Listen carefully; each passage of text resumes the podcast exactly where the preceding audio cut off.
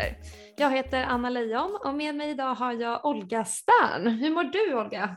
Jo, men jag mår jättebra. Eh, jag är så taggad på det här så att jag har fixat värsta setupen. Eh, jag har fått låna en så här, min kompis är kompositör så att jag har fått låna en sån här eh, ljudskärm av henne och fått så här tydliga instruktioner om att jag ska sätta mig i soffan och ha massa kuddar på väggen och gardinerna fördragna så att tyget ska absorbera ljudet. Gud vad härligt, man hör att det är, det är ett proffs man, man har att göra med. Ja, du har säkert bättre utrustning än vad jag har. ja, men det, alltså, kanske just för att jag har fått låna grejer av min kompis bara. Ja, ja men det är bra, det gillar vi. Eh, kul, så roligt att ha med dig. Eh, men Olga, du är ju CTO på Tangy Markets eh, mm. och jag kollade upp er såklart, jag försökte göra lite research eh, och jag gillar alla era liksom, taglines. Det säger ju så tydligt vad det handlar om, men så här, hum along with your latest investment och sådär. Mm, eh, det beskriver ju Ja, men exakt. Det beskriver ju väldigt bra vad ni gör. Men jag ska ändå försöka mig på att liksom förklara lite vad, hur, min, hur jag tolkar att er liksom produkt fungerar. Eh, så ni är ju egentligen då en eh, marknadsplats där man kan köpa och sälja andelar i musik. Eh, och problemet som ni löser som jag ser är ju liksom att artisterna vill ha betalt nu, men populära låtar traditionellt sett genererar ju mer intäkter över tid, liksom via royalties kanske. Eh, och investerare brukar inte, alltså i, i dagens marknad med lite så här kontantstinn och högkonjunktur så kanske inte finns så stor brist på dem. Eh, så det är väl mer att ni erbjuder ju liksom ett alternativ till börsen nästan skulle jag se det som. Eh, ett alternativ till att investera i liksom klassiska värdepapper som aktier och fonder. Eh, men utöver det, om jag, nu, nu, får jag, nu liksom tolkar jag helt fritt här, så känns det ju också som att det är en mysig liten crowdfunding-känsla att liksom också få supporta sin artist i en helt ny dimension som börjar växa fram. Det är lite trendigt liksom känns det som i, i den här branschen. Eh, det är bara min tolkning på det. Och sen så, jag, tol- jag tror att ni tar en avgift på själva transaktionen på plattformen. eh, men det får du berätta mer om. Men så tror, nu har jag försökt liksom summera eh, så som jag ser produkten. Eh, håller du med om det eller liksom, var det något som jag har fått om bakfoten? Nej men alltså det är helt on point. Eh, vill du börja jobba på vår marknadsavdelning? Men innan vi djupdyker i avsnittet så är jag superglad att kunna berätta att jag har fått en sponsor till podden. Så den här veckans avsnitt sponsras av Developers Bay och här kommer ett meddelande från dem. Det är många, både etablerade och aspirerande tech-entreprenörer som har konsultat någon gång under sin karriär. Jag själv frilansar exempelvis som IT-konsult via mitt egna aktiebolag. Developers Bay är ett företag som hjälper oss frilansare att hitta våra nästa drömuppdrag. De är ett community och en agentur för frilansare inom tech och kan stötta i allt från intervjuträning till förhandling och skriva kontrakt. Dessutom arrangerar de events och webinars och är även ett specifikt community för oss som vill bygga egna techprodukter. Att vara medlem är kostnadsfritt. Så kontakta Developers Bay på hello developersbay.se om du vill veta mer. Och nu tillbaka till avsnittet. Nej men alltså det är helt on point. Eh, vill du börja jobba på vår marknadsavdelning? eh, nej men det är, liksom, eh, det är exakt de problemen vi löser. Att vi vill hjälpa kreatörer att kunna finansiera sig själva. Mm. Eh, och, och, vi ser det som, jag gillar det du sa, liksom, att det blir som en mysig liksom, crowdfund-grej. Eh, vi försöker tänka mer att det här är liksom ett sätt för, för dem att enabla sig själva. Så att det är mm. liksom, för dem är ju också så här, de har ett jobb och de vill du vet, inte stå med mössan i hand och bara åh snälla ge mig pengar utan de tillför ju faktiskt något jätteviktigt till världen som är kultur. Eh, och då är det inte mer än rimligt att de ska kunna göra det på liksom, ja, men samma villkor som jag kan gå till jobbet och bara ah, jag går till jobbet och får en lön. Och det är klart att kreatörer också ska kunna ha det så. Mm. Eh, och sen eh, bara som ett liksom förtydligande. Eh, det är helt rätt att man kan liksom handla med royalties och royalties är alltså intäkterna från copyright så att mm. kreatörerna säljer aldrig sin copyright utan de behåller den alltid utan det de gör är att de säljer en del av den framtida intäkten för den. Mm, exakt. Ja, men det, är så spännande och bra eh, eh, tydliggöranden eh, så att vi, vi liksom står på en stabil bas gemensamt nu när vi ska djupdyka in i, i det här ämnet. Så, mm. så spännande, jag är så taggad. Men Först och främst eh, vill vi ju eh, måla ett litet personporträtt av dig. Eh, jag, ska, jag har ju såklart gjort lite research på dig också, men du ska få berätta själv. För du är ju CTO, så jag tänker att du kanske har ett intresse av tech. Eh, och hur har liksom din bakgrund och din resa fram tills att du började på Tang Market sett ut? Eh, hur har ditt liksom intresse för, för tech utvecklats? Alltså eh, jätteintressant fråga.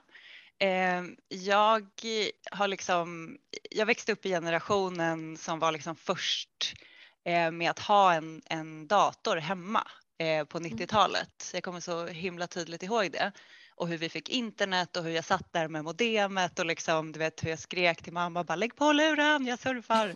eh, eh, men det var liksom aldrig att jag tänkte så här, det här är ett jobb som man kan göra, utan datorn var bara så här en kul grej. Mm. Eh, och jag var så här väldigt intresserad av film. Jag gillar liksom mycket så här det kreativa. Jag är ganska pysslig av mig. Jag gillar att skapa saker. Eh, men sen var det så att eh, min bästa kompis helt enkelt kom in på eh, IT eh, eller på data och systemvetenskapliga linjen i Kista precis mm. efter gymnasiet eh, och jag hade typ ingenting att göra den dagen när hon skulle registrera sig så att jag hängde med. Eh, och det här var liksom precis efter IT-kraschen 2003 så att de hade jättemånga tomma platser eh, så att jag signade upp mig där och då på att läsa IT och kommunikation. Mm. Eh, och eh, fastnade helt och var så här, men det här är ju så coolt och roligt och man får skapa grejer och eh, det är pilligt och liksom det passar mig så himla perfekt.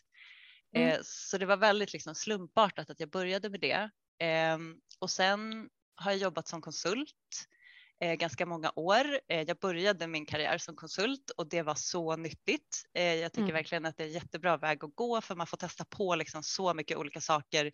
Men samtidigt så är det lite så här tryggt för att man har ju alltid sina kollegor och liksom sådär mm. eh, med sig. Ehm, och sen efter att jag hade gjort det ett tag så såg jag så här, jag satt någon eftermiddag och kollade på Twitter och så såg jag så här, ah, eh, det är några som ska ha ett hackathon. Jag bara, ha, vad är det här för grej? Typ spännande. Eh, så då signade jag upp mig på det.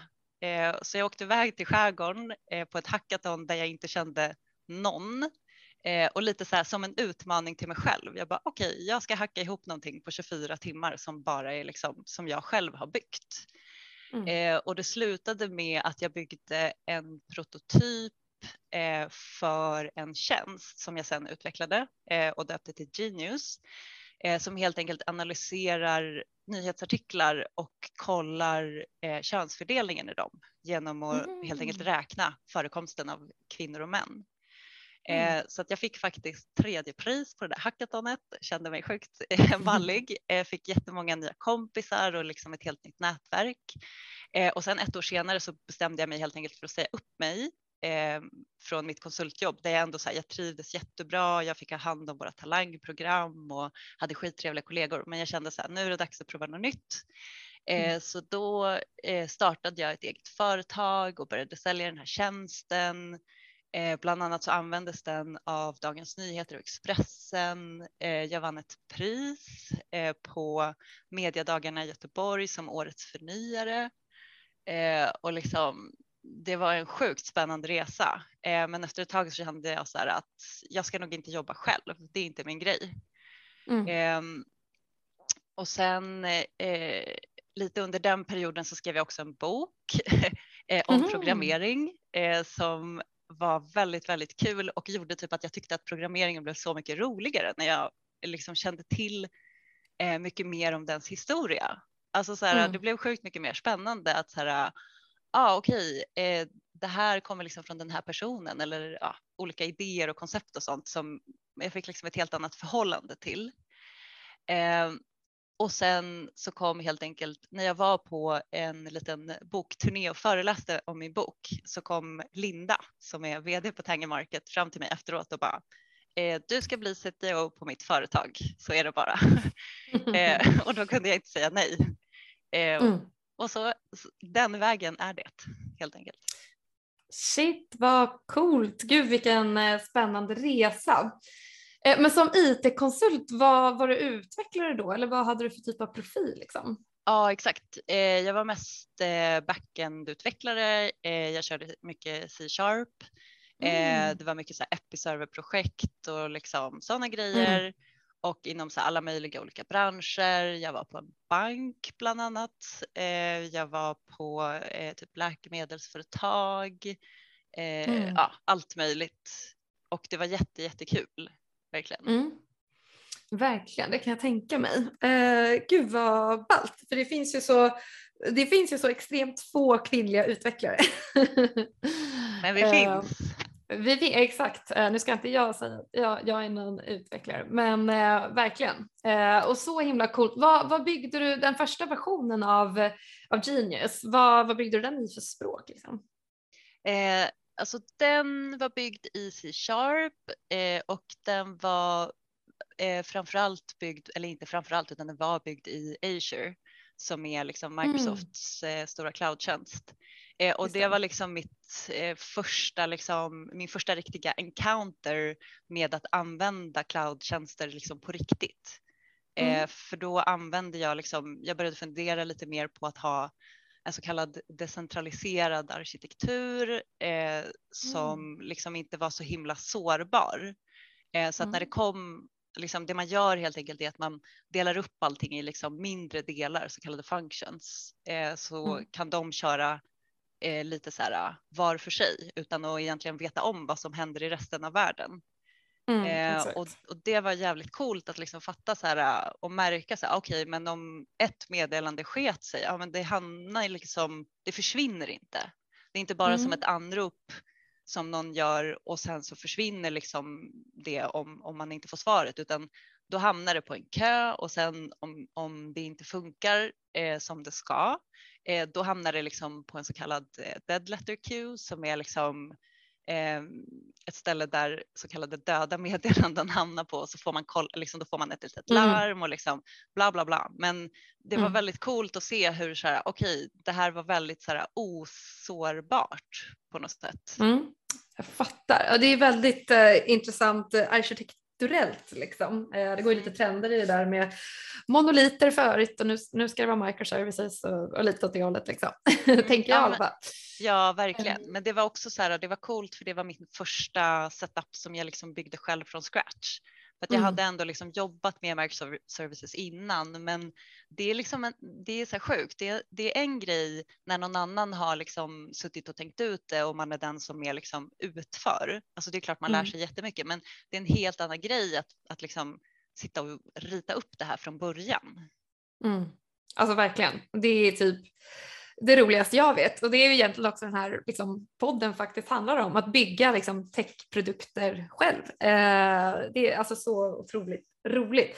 Om jag bara får djupdyka lite mer i Genius, för jag är så himla nyfiken, men är det så att man typ så här inputtade en liksom, URL och sen räknade den bara antalet förekomster av han, hon, henne, eller bara och bara, men, ja, men du förstår vad jag menar, eller liksom, hur funkar den om du går in lite mer i detalj? Alltså, den var liksom ett intressant litet hopkok eh, av många olika saker. Eh, för att eh, jag gillar också väldigt mycket att tänka enligt filosofin att liksom, varför uppfinna hjulet om det redan finns?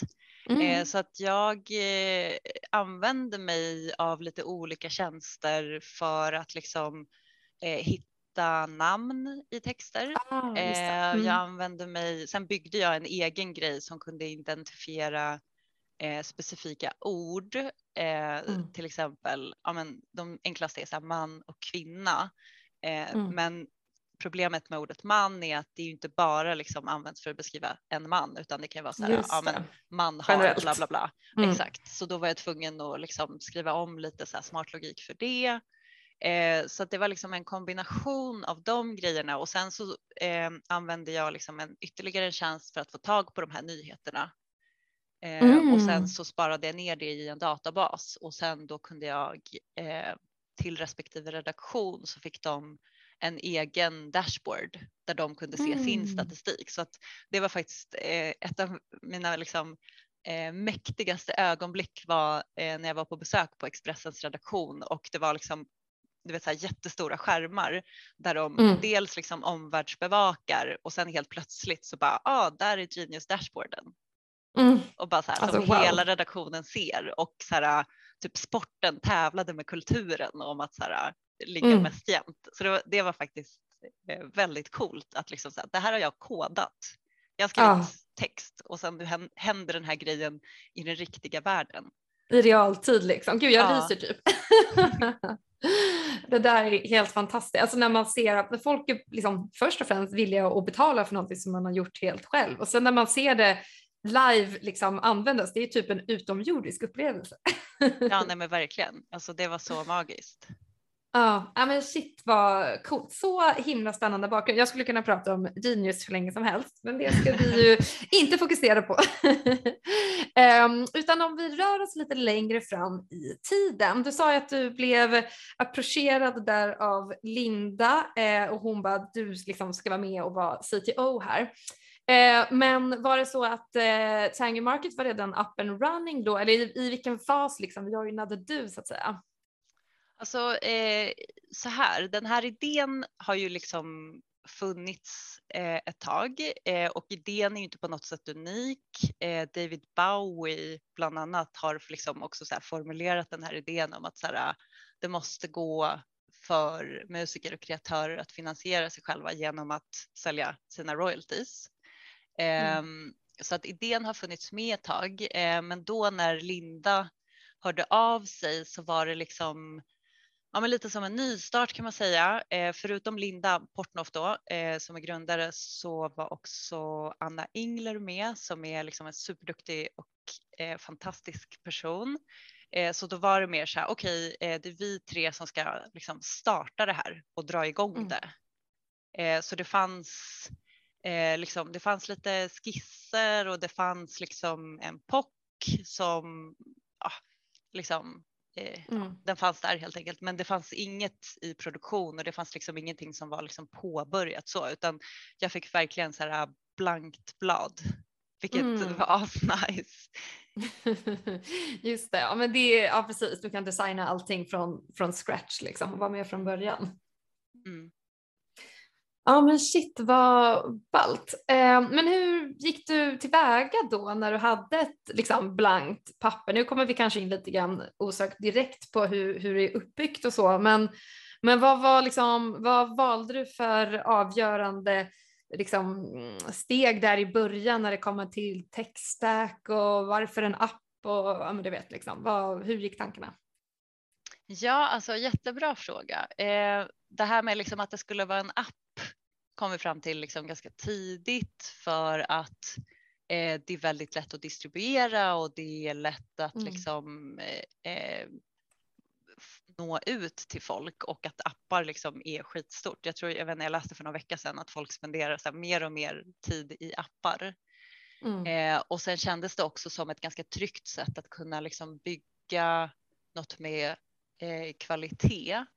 Mm. Ehm, ganska, alltså relativt enkelt. Det är aldrig enkelt att bygga en app. De som säger att det är det ljuger. Mm. Um, men eh, så det var liksom ganska så här, ja, men satt från början. Uh, och sen var det också så här, ja men sen Genius så hade jag fattat liksom, jag hade li, eller liksom inte lite, men jag hade erfarenhet eh, från att bygga eh, liksom i cloudtjänster. Så det var också så en ganska given att okej, okay, det kommer bli en cloudtjänst för att jag kommer inte sitta mm. och ha servrar liksom. Det är 2020 var det då. eh, eh, och jag ville ändå ha någonting som var så kraftfullt och stort och hade många olika typer av komponenter för att liksom eh, ju rikare floran är av ens verktygslåda desto mer liksom customizade grejer kan man bygga. Mm. Alltså ett eh, beprövat ramverk eller vad man ska säga? Eller? Ja, ja exakt. Alltså ett beprövat ramverk, exakt. Men också så här att det finns, alltså om man kollar i AVS, jag vet inte om du har varit alltså i mm. Amazon Web, Web Services, Web Services ah. exakt. Om du har varit inne där någon gång, om man klickar på liksom den här lilla rutan för att få se alla deras liksom tjänster som är tillgängliga. Alltså det, är liksom, Mm. det fyller hela sidan plus att man måste scrolla och då är de liksom Mm. i flera kolumner.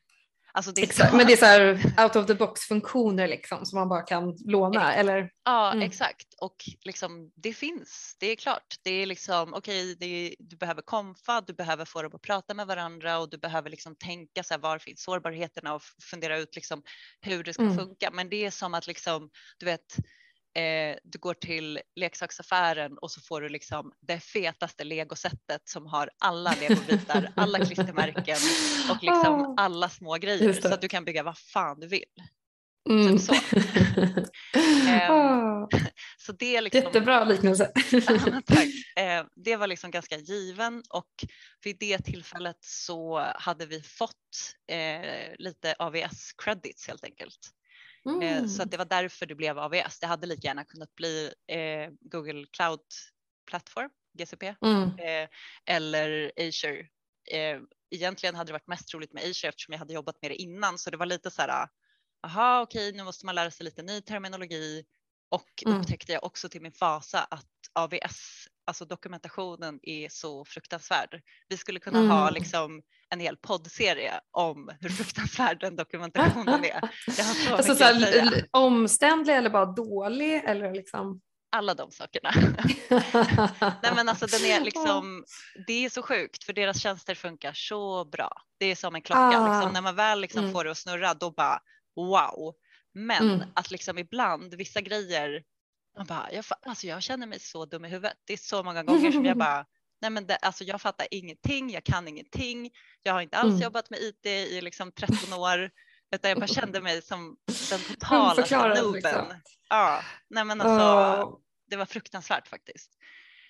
Ehm, Ja, ibland kan det ju vara så hemskt att det är någon jurist som skriver liksom, dokumentation. Ja, jag har varit med om och man bara, jag fattar, då är det inte så konstigt att man inte fattar någonting. Liksom. Men det är liksom inte skrivet för, eller av utvecklare för utvecklare ibland. Alltså så känner jag i alla fall. Alltså, ja, jag vet inte vem den är skriven av, men det är också så här, det, det är roligt att du nämner det för att just dokumentation är en sån grej som jag har liksom fattat nu när jag har jobbat i 10 plus år att så här, det är, alltså det är en konst i sig att kunna läsa Ja. tech-dokumentation för det liksom, Mm. man måste ha ett tankesätt. Det är lite som att så här, googla tech-grejer också.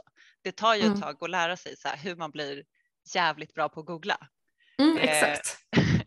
Ehm, Extremt underskattad egenskap för övrigt. Ja, verkligen. Mm, och, och liksom techdokumentation är också så här, det borde vara, eh, jag, jag vet inte om det kanske är det nu för tiden, eh, men typ i skolan när man läser programmering att så här, det borde finnas en kurs i hur man så här, tyder Mm. dokumentation. Mm. Eh, men just AVS-dokumentation, alltså den är i ett kapitel för sig. Det är liksom, nej men det är ett monster. Ah. Okej, ja, jag fattar. Ah, sidetrack. Ja, ja verkligen. Nej, men det, det är superintressant. Jag tycker också det där är jätteroligt. Um, redan jag håller på med mina egna små, jag gör ju bara liksom små webbsidor och sånt, jag är inte så avancerad. Men, eh, men då liksom, ja, googlar man ju också och eh, ja, det, det är en liten tröskel att eh, komma över det här med att googla och förstå, läsa, läsa på om våra tech, eh, hur funktionerna funkar. Liksom. Det är verkligen ja, superspännande. Ehm, men du, eh, vad, vi har inte pratat om, vad har ni skrivit, eh, du sa, eller du nämnde inte det, va? vad ni har skrivit eh, appen i för språk?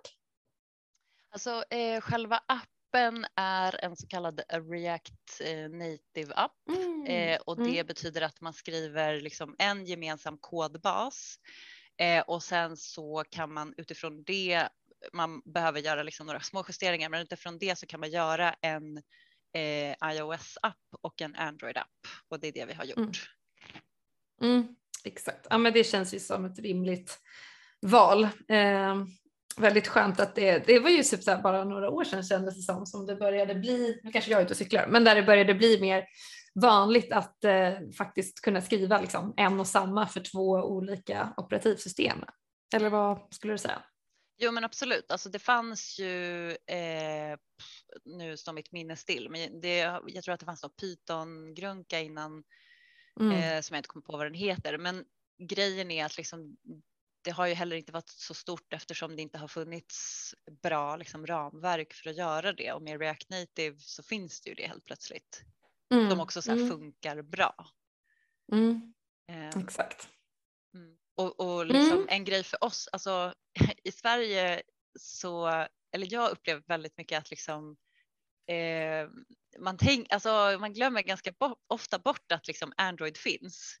Eh, för att, mm. men alltså, eh, liksom, jag tror att de flesta jag känner i alla fall har iPhone. Jag hade faktiskt Android i ett år. Jag gav den ett år för jag tänkte så här, okej, okay, men nu ska jag prova det här och bara se hur livet som Android-användare är. Eh, och för mig personligen var det fruktansvärt. Jag hatade min telefon varje dag. Men eh, det som är viktigt för oss är att liksom, vi är globala och Android mm. är skitstort i resten av världen så att man kan inte liksom bara skita i Android. Eh, mm. Så det var väldigt viktigt för oss liksom från början att komma ut med en Android-version. Eh, nu dröjde det lite grann men ändå inte vara så här vänta flera år som många mm. andra gör. Ja, exakt. Eh, precis. Nej, men det möjliggör ju React Native och liknande ramverk. Men vad roligt att du säger det. Jag är ju faktiskt en litet unikum i det här sammanhanget. Jag har aldrig ägt en Apple-produkt i hela mitt liv. Oh, wow! ja, så jag är Mäktigt. Så, när mina kompisar bygger liksom produkter, man bara, kan, Anna kan du testa? De måste ha någon som liksom inte har Mac eller eh, iPhone. Mm. Eh, nej, men jag har bara inte kommit med för, sen kanske jag har varit lite snål också, jag vet inte. Eh, men jag håller helt med. För de är eh, så dyra. ja, precis. Men det är så här, kommer man inte in i det så det är ju lite av en tröskel liksom. Men nu har jag ju en Mac-dator på på jobbet så att säga, eller på, på uppdraget. Jag är ju också, jag är ju konsult precis som du var innan, eh, men frilansar då på ett uppdrag och då har jag ju blivit tilldelad en dator och det är en Mac och det funkar jättebra. Alltså det är liksom inga, det är inte som att jag är liksom, I don't know, helt eh, borta. Jag förstår man använder en Mac. Eh, men ja, nej men så att, eh, ja vad roligt eh, att ni tänker så. Men eh, nej, precis som du säger, jag vet inte vad marknadsandelen är nu. Är det typ 50-50 Mac, eller ja, inte Mac då, men iPhone versus Android. Eh, jag vet inte hur det ser ut i Sverige. Alltså men... skämmigt, det här borde jag veta men jag kan, jag kan, jag kan vara proffsig och säga jag kan ta reda på det här och återkomma. Ja, konsultsvaret. Exakt, att äga att man inte kan något. Nej, men, Exakt, ja. man erkänner det. Nej men det är säkert någonstans runt 50-50. Jag har hört i alla fall och vi har pratat mm. tidigare i podden om det här också att det är mycket vanligare med Android ute mer på landsbygden än vad det är i stan. Liksom. Så det kan mm. säkert vara var en grej. Eh, men oh, skit i det, oavsett vad det är med den saken. Ehm, vad skulle du säga, nu, nu har du berättat att ni liksom använder en del eh, funktioner på AVS och ni har byggt i React Native och, och hej och hå. Men vad skulle du ur ett liksom tekniskt utve utvecklarperspektiv säga är det unika med er plattform? Liksom? Vad är, om ni, om ni har det, er liksom IP, det som är ert egenutvecklade eh, unika? Vad skulle du säga att det är? alltså om, om jag får vara så här äh, tråkig så skulle jag säga att liksom, alltså, det mesta av vår kod är ju inte så där, det är inte rocket science. Alltså, mm. Det är liksom en handelsplattform med ganska mycket så här äh, komplicerad logik men den är inte mer komplicerad än att det är lite liksom, ja, det är lite logik helt enkelt. Det är liksom mm. inte så.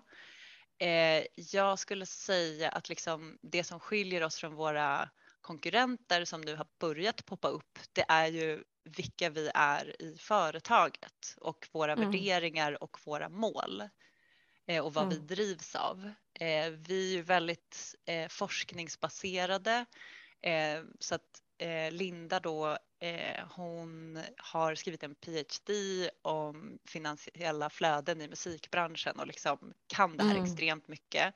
Anna har liksom djup bakgrund i musikbranschen. Eh, sen har vi också mm. flera nya kollegor, Johan och Niklas eh, och Karin. Alla de har liksom bakgrund i musikbranschen och har en sån förståelse för den. Mm. Eh, så att det är det som gör liksom att vi på något sätt så här, ja, men skiljer oss från mängden skulle jag säga. Jag skulle inte säga att det är vår kod på något sätt.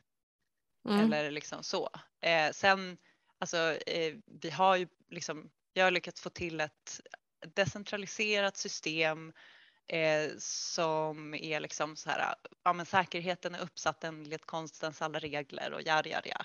Mm. Så att och, och, det har det varit från början. Men jag vet inte om jag skulle säga att något är sådär superunikt med tekniken liksom. Mm. Ja, men det, det är fint, det är ödmjukt. eh, Okej, eh, superbra svar. Och eh, vi är ju alltid intresserade i textskaparna av er första liksom, eh, interna beta eller vad man ska säga. Alltså så här, vad var den liksom, key-funktionaliteten som ni Eh, liksom bedömde var så pass viktig att det var den ni utvecklade först. För ja, som du vet i liksom produktutveckling så lägger man ju på nya features och förbättrar kontinuerligt och hej och det är ju så man, man jobbar liksom. Men just det här, vad var det här första eh, releasen, vad innehöll den för funktionalitet? Eh, mycket bra fråga. Alltså vi eh, körde liksom ganska hårt kan man säga. Eh, jag tror den första committen gjordes i september 2020 eh, och i mars 2021 eh, så var vi ute i produktion. Eh, så att vi hade väldigt lite tid och vi var tvungna att skala bort allt som var liksom non-essential. Mm. Eh, och det vi gjorde var att eh, kruxet är liksom att vår plattform, liksom, eh, affärslogiken är så pass komplex mm. eh, så att vi var tvungna att ha väldigt mycket funktionalitet från första början. Eh, mm. Till exempel då att okej, okay, du måste kunna sätta in pengar. Ja, men om du ska sätta in pengar, då måste du ta ut pengar och för att ta ut pengar, då måste du verifiera din identitet. Eh, så ja. det, liksom, det kommer liksom massa grejer och sen samma sak så här, okej, okay, men eh, om vi ska ha, eh, när vi släpper musik på plattformen så kallar vi det för assets. Det kan vara liksom en, en låt eh, eller ett album eller katalog. Men så fort mm. det kommer en asset eh, då måste ju den ha liksom ett antal grejer för att den ska så att säga kunna finnas där. Alltså förutom liksom bara ett namn, en artwork och musik som ska spela i appen så ska den ju ha, du vet, hur många shares har den här? Hur mycket kostar en share? Mm. Ehm, och, och alla sådana grejer. Eh, och sen mm. då ska användare kunna köpa shares, de ska kunna sälja shares, de ska kunna lägga bud, eh, både mm. liksom sälj och köpbud. Eh, och ja, har jag glömt någonting? Ja, man vill ju också kunna se sitt saldo.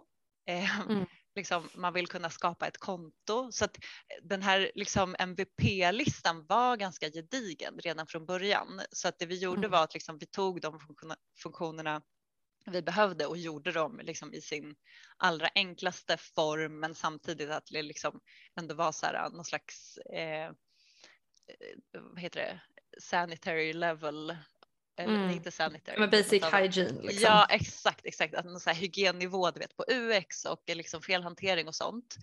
Eh, mm. Men alla de sakerna som jag räknade upp hade vi liksom från start. Eh, och det vi mm. gjorde var att eh, innan vi liksom gick live så körde vi allting i en sandbox som är liksom som en testmiljö. Eh, mm. Och då mm. gjorde vi en sån här trading day där vi helt enkelt bjöd in eh, massa så kompisar och bekanta och folk som satt på vårt coworking space och lät dem skapa konto och sätta in pengar fast det var fake pengar och så kunde mm. de liksom mm. trada med varandra. Mm, eh, och då, ja, Eh, det var faktiskt jättebra för där hittade jag några ganska nasty buggar som låg och gömde sig. brukar vara så. ja, nej, men det var liksom en jätte, jättebra erfarenhet och också såklart. Stresstesta den lite liksom. ja, precis. Eh, för att hur mycket tester man än liksom försöker sätta upp och så där, det blir ju aldrig samma sak som när en riktig användare använder någonting som man Nej, har gjort. verkligen. För ja. de kan ju verkligen hitta på grejer som man bara, men shit, det här, alltså jag har inte ens tänkt att det här går att göra. Men det är liksom, man älskar ju användare på grund av det. Eh, mm, de är så påhittiga. Ja, men det är som så här utomjordisk upplevelse eller typ så här som ett barn som bara tänker i så här helt andra banor. Man bara, men herregud, det är jättelogiskt nu när jag förstår hur du tänker, men jag kunde inte liksom i min vildaste fantasi tänka fram det här själv. Nej, nej men verkligen. Ja, eh, med en intern ja. liksom, liten betalansering sådär. Ja, eh, och sen när vi släppte Alltså vi hade ju till exempel inget admin-gränssnitt för att lägga till mm. nya assets. För det tänkte vi mm. så här, okej okay, det är viktigare att våra användare får en bra upplevelse än att vi kan lägga upp nya assets via mm. någon så här snygg eh, hemsida utan ja, men, mm. det kan vi mm. köra lite liksom med skript till exempel. Mm. Eh, och sen en, en, lite, rolig grej var att så här, ja, det gick inte att byta lösenord i gränssnittet utan det tyckte vi också så här, ja, men vill de, ja, men så här, hur stor är sannolikheten att någon kommer vilja byta lösenord kanske de första månaden? Ja, den är ganska låg. Ja, tyvärr, då får vi prioritera ner det. Eh, men det som var liksom det största hacket var att vi använde eh, intercom som är liksom ett så chattverktyg helt enkelt. Ja, jag såg det. Ja.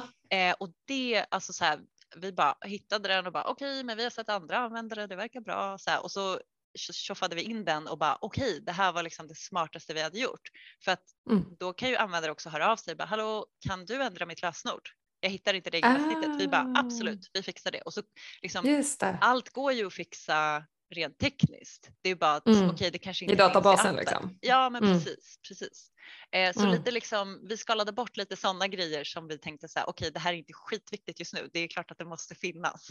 Eh, men men oh. då har vi låtit ja, då har helt ni... enkelt. Ja. Men gud vad roligt, då har ni verkligen hård eh, prioriterat.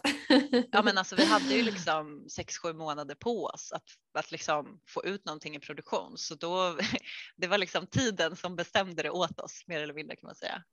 Oh, men jag var ändå så här, där kände jag också så här att jag hade så mycket med mig från inte nödvändigtvis min konsultbakgrund men ändå att ha jobbat i ganska många olika liksom, eh, mjukvaruprojekt eh, mm. under mitt yrkesliv. Att liksom, eh, ja, men jag är och som alla andra utvecklare såklart så här, ja, men Scrum Master, ja, ja, ja. Men jag har ändå mm. så här, fördjupat mig ganska mycket inom det. Typ jag och en annan kollega höll lite kurser när, vi, när jag jobbade på ett ställe som heter Valtech. Eh, mm. Så jag kände liksom att det gav jätte, jättemycket. Att så här, jag hade en så jävla solid grund i det. Att så här, okej, okay, men jag kunde prioritera. Eh, mm. Jag kunde liksom tänka på det sättet att så här, inte du vet eh, vad måste vi hinna klart innan det datumet utan mer så okej okay, i vilken ordning gör vi saker? Att bara planera mm. det som är liksom på den närmsta horisonten för att imorgon så kanske saker ändrar sig. Alltså allt det där var liksom mm. som en mm. jävla stor tillgång. Mm. Kan jag verkligen tänka mig. Alltså egentligen liksom agilt, äh, agil arbetsmetodik kan man väl kalla det för. Liksom. Ja, exakt. Eh, Mm, jag, jag håller med verkligen. Man måste verkligen vara så här stenhård. Eh, och jag som eh, leder utvecklarteam ofta eh, så, så liksom, är det lätt att de fastnar i ett problem, de blir liksom kära i problemet och så här overengineerar det liksom. Och du vet, så här, sitter och pillar på det i all oändlighet och jag bara blir så här okej släpp, nu går vi vidare. Ja men du vet så. Mm. Nej men verkligen och vi hade ju eh vi tog faktiskt in i början så tog vi in konsulter som började apputvecklingen åt oss och det var ju också så här förutom att jag, jag själv satt och byggde backend så satt ju de och byggde appen och vi hade liksom dagliga liksom möten varje dag och jag projektledde dem och liksom ja, mm. det var. Det var jävligt mycket, men det var också sjukt kul. Mm. Gud, ja, jag kan verkligen tänka mig. Ja men shit vad kul. Eh, du nämnde det, men vi ska bara gå till botten med den frågan också. Men hur, eh, nu var det Belinda då som kom på produktidén förstår jag det som.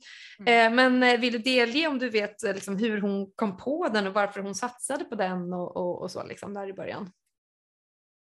Men alltså det är ju helt enkelt att det är ju sjukt problematiskt att det är svårt för kreatörer att ha liksom en, du vet, bara en rimlig ekonomisk situation.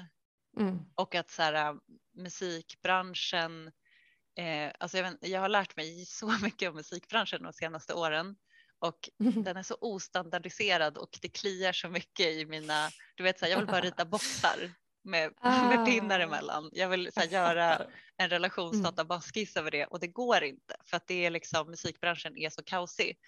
Mm. Eh, och förutom den delen eh, så är ju musikbranschen och har varit alltså det är liksom en liten grupp människor som får väldigt mycket pengar eh, mm. på många olika sätt och, och det är liksom det är inte rimligt helt enkelt och det vill mm. vi ändra på. Vi vill helt enkelt fördela om de pengarna som finns och göra så att ja, de som får allra, allra, allra, allra mest, de kanske kan liksom om vi kan omfördela det lite, eh, för då mm. blir också alla vinnare. För att om de som tjänar minst får lite mer, då kan ju de vara med och liksom växa musikindustrin ännu mer så att de som ändå tjänar allra mest till, till sist också får mer helt enkelt. Mm. Så vi vill liksom öka värdet på musik som helhet. Mm.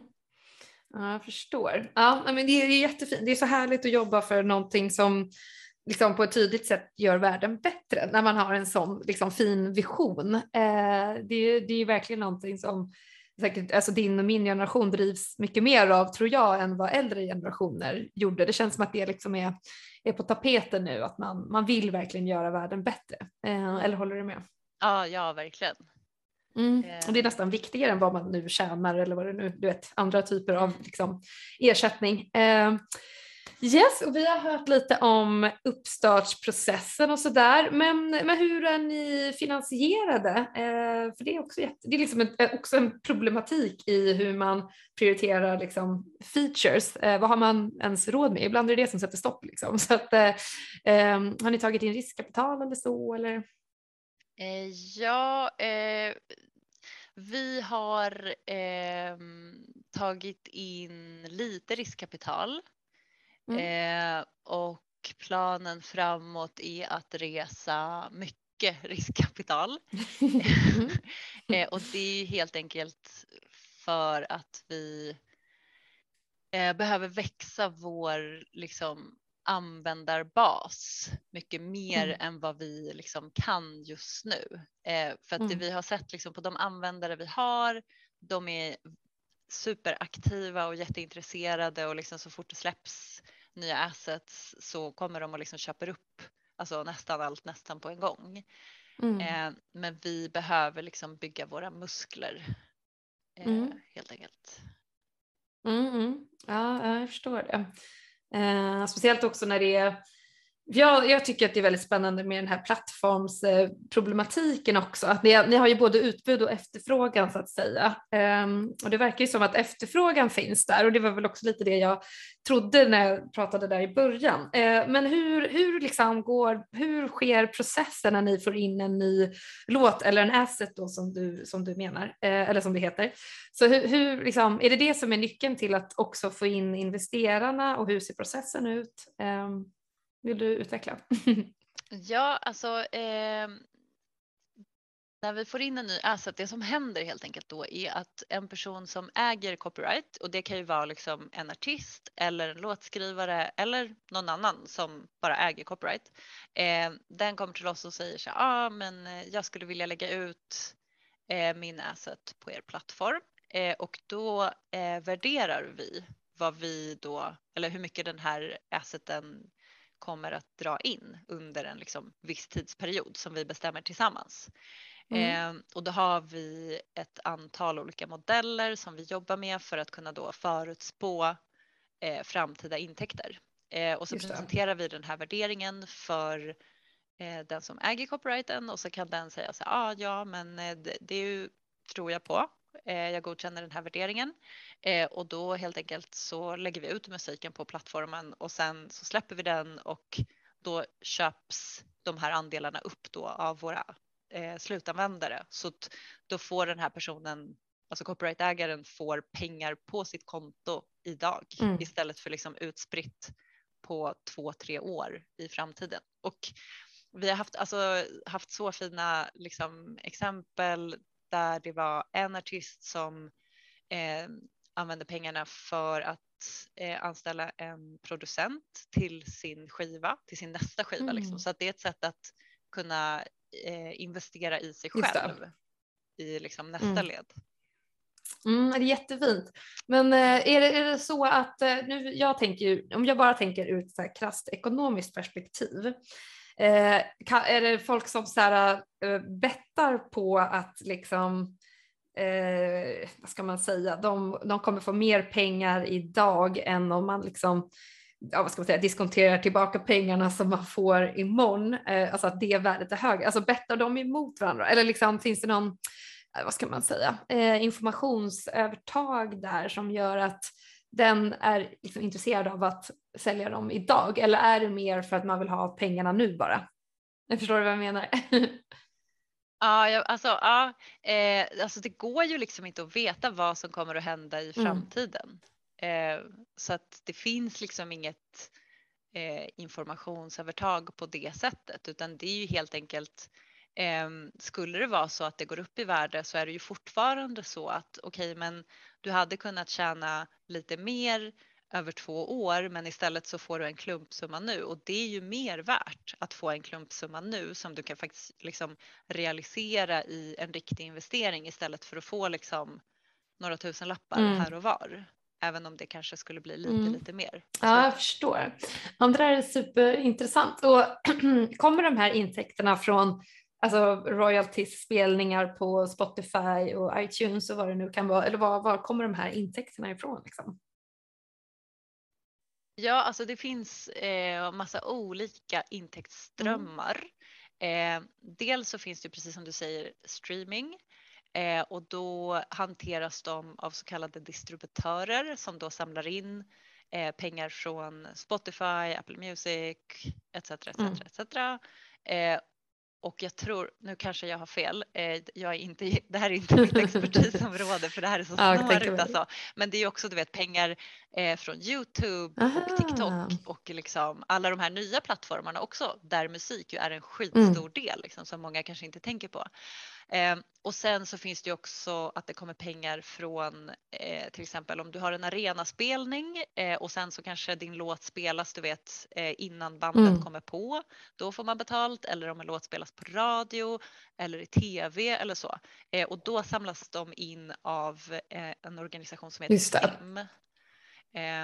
Som du säkert känner till och det som är det coola med STIM är att det finns liksom ett STIM eller ibland flera i alla länder i världen.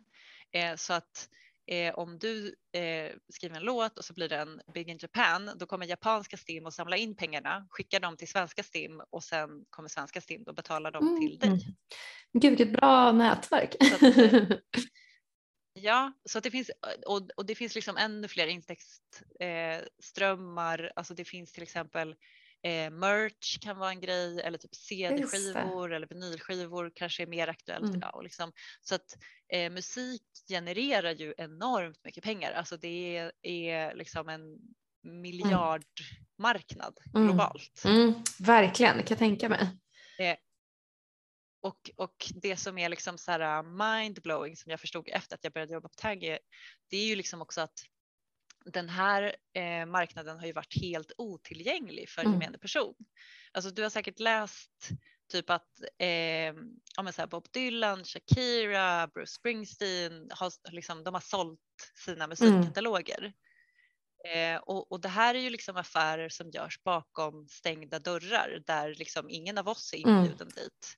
Eh, och helt plötsligt så blir vi det och då kan liksom vem som helst investera i den här asseten som liksom är hur stor som helst. Som man också så här, det jag tycker är så mäktigt, alltså om du investerar i ett företag på börsen, alltså fine, du kanske så känner så här, ah, det här företaget tycker mm. jag gör bra grejer, men tänk så här, investera i musik, alltså du investerar i någonting som väcker liksom alla känslor mm. inom dig. Alltså så här, för vad gör vi typ när vi är glada? Vi lyssnar på musik. Vad gör vi liksom när vi är ledsna? Vi lyssnar på musik. Alltså musik har en så himla stor del typ i allas mm. våra liv och det är så jävla fett att bara nu kan man investera mm. i det.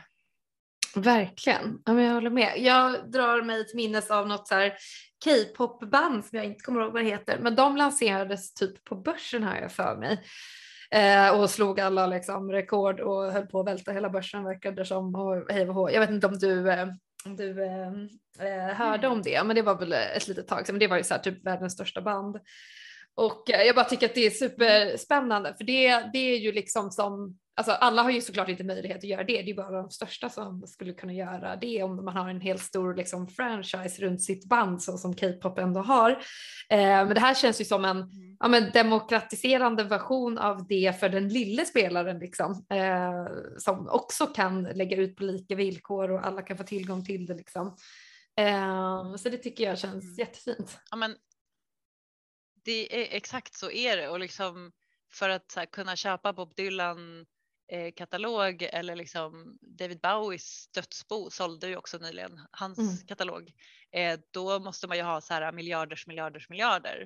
Men på Tangy Market så kan du gå in och köpa Shoreline för liksom alltså några mm. euros.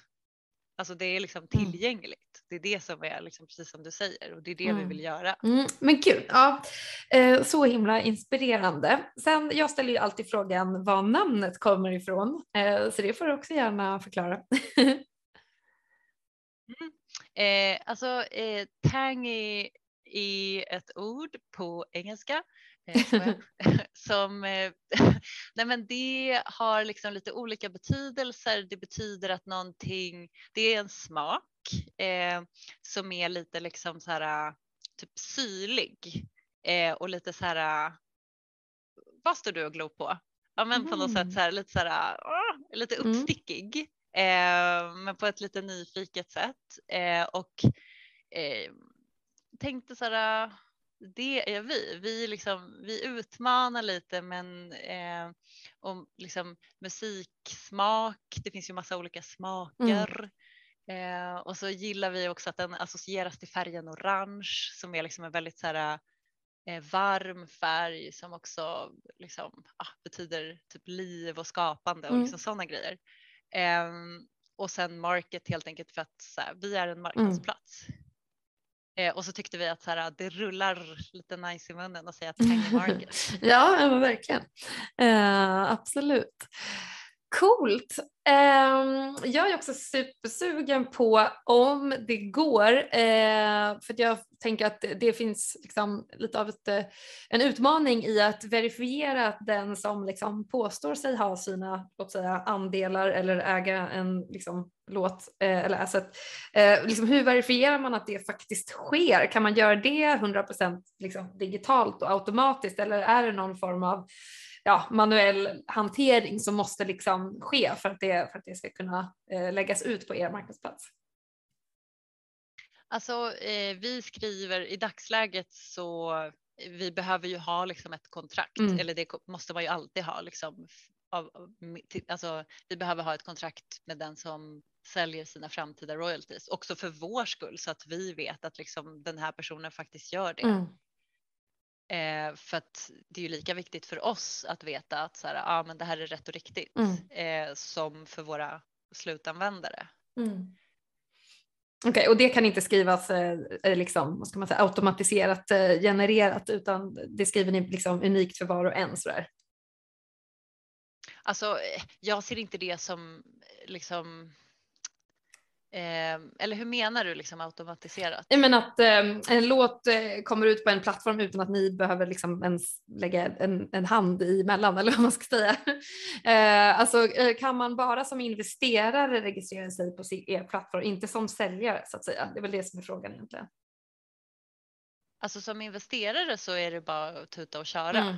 Men om jag vill sälja mina mer... andelar då måste jag liksom ja. kontakta er och mer liksom gå igenom en sån process. Inte, ah. Ja, alltså i dagsläget, måste, i dagsläget måste man göra det och det har helt enkelt, helt enkelt äh, gud vad jag snubblar, eh, och göra med liksom det jag förklarade lite innan att musikbranschen är så eh, ouppstyrd mm. så att liksom, det finns ingen eh, databas eller liksom, mm. det, det, skulle ju vara så gött med ett system där liksom okej okay, här finns en förteckning över vem som äger eh, hur mycket av respektive verk mm. och sen så kan de identifiera sig med bank-id och ja, exakt. Ja, utan, liksom, det hade ju varit drömmen, alltså tro mig, men det finns inte så att det finns liksom inget sätt mm. förutom att skriva ett kontrakt mm. eh, att liksom göra det. Men det som liksom, det görs ju kanske inte alltid per låt utan det kan ju göras på större volymer musik mm. liksom, på olika sätt. Så att man måste inte gå igenom varje enskild låt. Men vi måste ju fortfarande verifiera att den som säljer det här faktiskt äger det. För att annars finns ju risken att våra användare inte får liksom, sina utbetalningar. Mm. Och det, alltså, vi kan inte riskera det helt enkelt. Mm. Nej men exakt, ja men precis, ja, men det var det jag var lite ute efter. Sorry om jag var otydlig. ah, nej det är ingen fara. um, grymt, men vet du vad? Uh, jag är också lite nyfiken på marknadsföring. För det är ju någonting som är supersvårt eh, och liksom en, en hel vetenskap. Eh, speciellt för oss som är liksom intresserade av tekniken så måste vi också förstå hur man liksom får, får, får ut den och får den i händerna på, på användarna. Eh, så har ni något liksom framgångsrecept där som har fungerat bra eh, med att få ut er liksom, techprodukt i, i händerna på era användare? Eh, alltså, vi tänker mycket på liksom, product market fit eh, och, och liksom en stor del av det är ju att produkten så att säga liksom lite säljer sig själv för att användarna älskar den så mycket så att de mm. faktiskt rekommenderar den till folk de känner. Ehm, så att det är liksom, vi Mm. jobbar väldigt mycket med det. Alltså vi vill helt enkelt göra en så bra produkt som våra användare ska älska så att de sprider ordet. Det är vårt mål. Eh, Mm. Ja, precis. Word of för det är ju mouth, liksom, liksom. väldigt, väldigt starkt. Eh, och då vet man också att man har byggt en produkt Mm. som faktiskt används och som folk gillar och som gör någon nytta och gör någon skillnad. Ehm, så att det är liksom Mm. en, en stark grej för oss skulle jag säga. Eh, sen är ju liksom, eh, om jag ska vara helt ärlig, liksom, även om vi är ett väldigt litet bolag där alla har liksom alla hattar på sig så just marknadsföringshatten har jag lite så här, eh, jag känner så här, jag mäktar inte med den eller inte, inte mäktar med, det var liksom väldigt fel. Nej, vi har liksom förstår en jag. person eh, som ansvarar för det och drar Mm. i det och som gör ett så jävla bra jobb. Eh, men jag kan tyvärr inte berätta så mycket liksom Mm. för att jag inte är superinsatt i det dagliga Nej. arbetet. Mm. Nej men gud, det förstår jag verkligen. Eh, nej men det är så många pusselbitar liksom som måste vara på plats för att man, man liksom ska kunna skeppa en produkt. Eh, Ja, så alltså så det är ju det verkligen. mardrömmen att liksom bygga en asfet grej som ingen vet att den finns. Att, Ja, det känns som att det, det är typ eh, problemet i nio fall av tio liksom, för de flesta utvecklare. Ehm, men, eh, men gud så spännande. Eh, det här har verkligen varit eh, sjukt coolt. Vi börjar få lite ont om tid. Men skulle du vilja dela med dig av några så här kriser eller misstag som ni har gjort på vägen och som andra textskapare liksom inte behöver göra om genom att lyssna på det här avsnittet? alltså jättebra fråga. Jag skulle säga att eh, vi har haft, eh, alltså jag, jag brukar säga att tur är ingenting som bara händer utan man får jobba ganska hårt för att ha tur. Eh, så att vi har haft turen att vi inte har haft några sådana större missöden eller liksom kriser på Mm. det sättet. Men det har också varit en väldigt så här, det jag kan dela med mig av är att det har varit en väldigt medveten taktik att till exempel så här, vi använder loggning jättemycket. Apropå loggning som har varit Mm. på tapeten med Log4j och hela den grejen. Jag vet inte om du, ja Mm. det är super sidetrack. Men eh, vi har liksom använt i AVS så, så finns det liksom att man superlätt kan slå på loggning för alla ens tjänster. Och det här har Mm. varit liksom en guldgruva för att så fort liksom, jag har satt upp massa larm eh, så att så fort liksom någon grej börjar gå fel då kan jag fånga den liksom jättetidigt innan det hinner bli liksom dåligt på riktigt så att säga. Mm. Mm.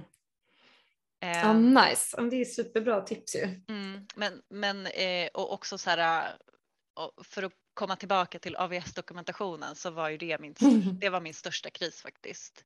Eh, för jag Mm. satt liksom i, i, alltså jag tror jag satt i kanske två månader och bara läste dokumentation och du vet så här innan jag kunde börja bygga grejer för att jag liksom Mm. var ett sånt jävla djupt hål och bitvis kändes det som att så här, jag kommer aldrig ta mig ur det här.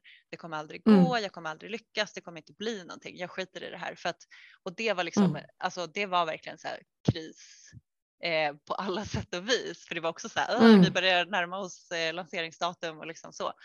Ehm, Men jag är så här, äh, också typ väldigt stolt över mig själv att jag körde på för att resultatet blev liksom att all den här tiden som jag ändå hade liksom hällt ner i det här stora hålet var inte förgäves utan det var så här okej Mm. två månader senare då hade jag liksom klättrat upp för det här jävla berget och nu stod jag där uppe och så kunde jag använda all den här kunskapen till att liksom bygga alla andra grejer hundra gånger snabbare. Mm, Ehm, exakt. så så här, om du sitter där, om det är någon där ute som sitter med AVS-dokumentation och hatar sitt liv, ge inte upp. Mm. Det finns liksom ljus i, Ja, i tunneln. Det, det finns, men tunneln är jättelång och jättemörk, men det finns, jag lovar. Åh, ja men det där är så typiskt. Och sen när man väl kommer igång då går det ju liksom snabbt. Mm. Eh, känner jag i alla fall ibland.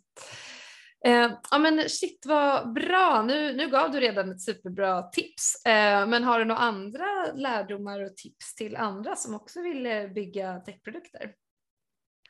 Eh, alltså bara gör det.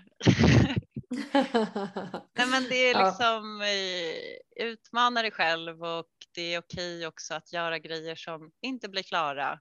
Alltså mm. testa mm. skulle jag säga är det allra viktigaste för att Alltså jag, jag, jag personligen är världsmästare på att här, sitta och tänka bara, Åh, jag borde, jag kanske, och så liksom krävs det typ att någon utifrån bara, hallå, ska inte du göra den här grejen? Jag bara, ja, just det, eh, det är klart att jag ska. Eh, så mm. bara gör det. Alltså, och också så här, för att komma tillbaka till den här liksom jättelego-satsen som mm. bara finns där för alla. Alltså, du behöver inte kunna servra liksom och så och det mesta kan man mm. googla mm. sig till. Så bara kör, bara kör. ja, men jag håller helt med, verkligen. Eh, det är så himla viktigt att bara liksom, komma igång. Eh, och jag tycker också att det är så fint att liksom, en sak leder ju alltid till något annat så man har liksom aldrig gjort någonting förgäves för då, då blir den här liksom berget blir lite mindre nästa gång och så vidare och så kommer man in i en bra liksom rytm och helt plötsligt har man skeppat någonting. Mm. Eh, har jag upplevt i alla fall. Eh, så, så himla härligt att komma in i det. Ja. Jag kom, Gud, på, jag kom på ett, ett till tips ja. faktiskt som jag tycker faktiskt har hjälpt mig väldigt mycket och det är att eh, rita upp ens grejer. Alltså mm. det har jag liksom inte riktigt gjort förut utan det är faktiskt någonting som jag börjat med nu med Tangen Market. Eh, så jag började liksom, jag ritade, alltså jag höll på i typ en månad och ritade på så här ett eh, databasschema. Och så tänkte mm. jag så här, mm. det här är så jävla waste of time, men det kommer hjälpa mig nu när jag ska bygga min databas. Men jag använder det liksom, jag är inne och kollar på det där schemat kanske en gång i veckan. Mm. Eh, och också så här äh, systemskissar och liksom alla sådana grejer. Det är så jävla värdefullt fast man tänker att så här, mm. det tar tid och kanske inte ger så mycket. Så att, eh, det skulle jag också säga. Rita upp grejer. Mm. mm. Visualisera och få det på pränt liksom. Ja, men det är superbra tips. Det känns, för jag känner ju så många gånger liksom att så här, vadå, det är bara, man kollar ju bara i koden. Mm. men då måste man kolla på väldigt många ställen i koden för att få den där liksom helhetsbilden och bara ritar man det så har man det ju faktiskt svart eh, på vitt. Um, och lätt för andra att förstå också som kanske inte är liksom tekniskt uh, bevandrade. Ja men alltså skoja inte, jag tvingade alla mina kollegor att gå igenom de här databasskisserna med mig. Och de var så trötta, de bara måste vi ha ett till möte där vi ska titta på dina boxar. men, oh, men och du var jätteexalterad och bara det är så fina boxar. Ja exakt, jag bara kolla jag har färglagt dem så att liksom olika delar som hör ihop med varandra har samma färger. Men de var faktiskt, jag ska faktiskt ge det till dem, de var så jävla grymma och satt och lyssnade och gav jättevärdefull input. Och det, det är ju också så här det var ett skitbra sätt för liksom, teknik att förstå affärssidan och vice versa. Mm. Att så här, mm. aha okej vi kan inte göra den här grejen tekniskt för att boxarna funkar inte så och liksom tvärtom. Så att det var ju liksom mm. en skitbra grej som kom ur det. Eh, mm, mm. så ja. Man förstår liksom begränsningarna med grunduppsättningen. Mm. Eh, ja, nej, men jag håller verkligen med. Eh, men gud vad coolt. Eh, så himla spännande att få höra. Eh, men vill du, bara om du vill, eh, helt frivilligt, om du vill dela med dig om, av några nya features eller liksom er framtida roadmap, liksom, har vi någon spännande produktreleaser eller någonting coolt i, i kikan eh, framöver? Alltså ingenting som jag tyvärr kan dela med mig av, men det kommer grejer kan jag säga. Exakt. Jag, jag, måste vara så tråkig och säga så bara. men jag förstår det. Uh, det, det är helt okej. Okay. Men massa coola grejer på G alltså. Uh, och slutligen, har du något tips på några andra textskapare som du tycker jag ska intervjua härnäst i, i ett avsnitt i podden? Ja men eh, alltså, jag har en hel drös faktiskt. Eh, ja, perfekt. Eh, eh, jag skulle vilja rekommendera Henrik Trotzig eh, mm. som jag själv hade nöjet att jobba med eh, lite grann. Han bygger en tjänst som heter Happo.io mm. som är en tjänst där man kan testa sitt gränssnitt. Mm. Så att när du mm. sitter och utvecklar grejer eh, och sen committar dem till GitHub så kan du köra Happo som en del av liksom, som ett byggsteg till exempel. Ehm, Mm. och då kommer den att liksom jämföra det med den tidigare committen och så kommer den säga så här, men hallå du har ändrat den här texten, är det med flit? Eller de här pixlarna stämmer inte längre. Eh, Så Mm. att han gör väldigt coola grejer som han har byggt Mm. liksom helt själv. Ehm, Mm. Eh, Gud vad spännande. Ja, eh, och sen har vi också Annie Torell eh, som är CTO på ett bolag som heter It's Released. Som är en tjänst där man kan hyra kläder. Mm. Eh, man kan prenumerera på kläder så att eh, istället för liksom behöva köpa massa nya grejer hela tiden som man kanske inte använder så mycket så kan man hyra de grejerna under en kort period och använda dem och sen lämna tillbaka dem och sen få nya grejer. Mm. Nice. Mm. Ehm, sen också Nevin Bengtsson.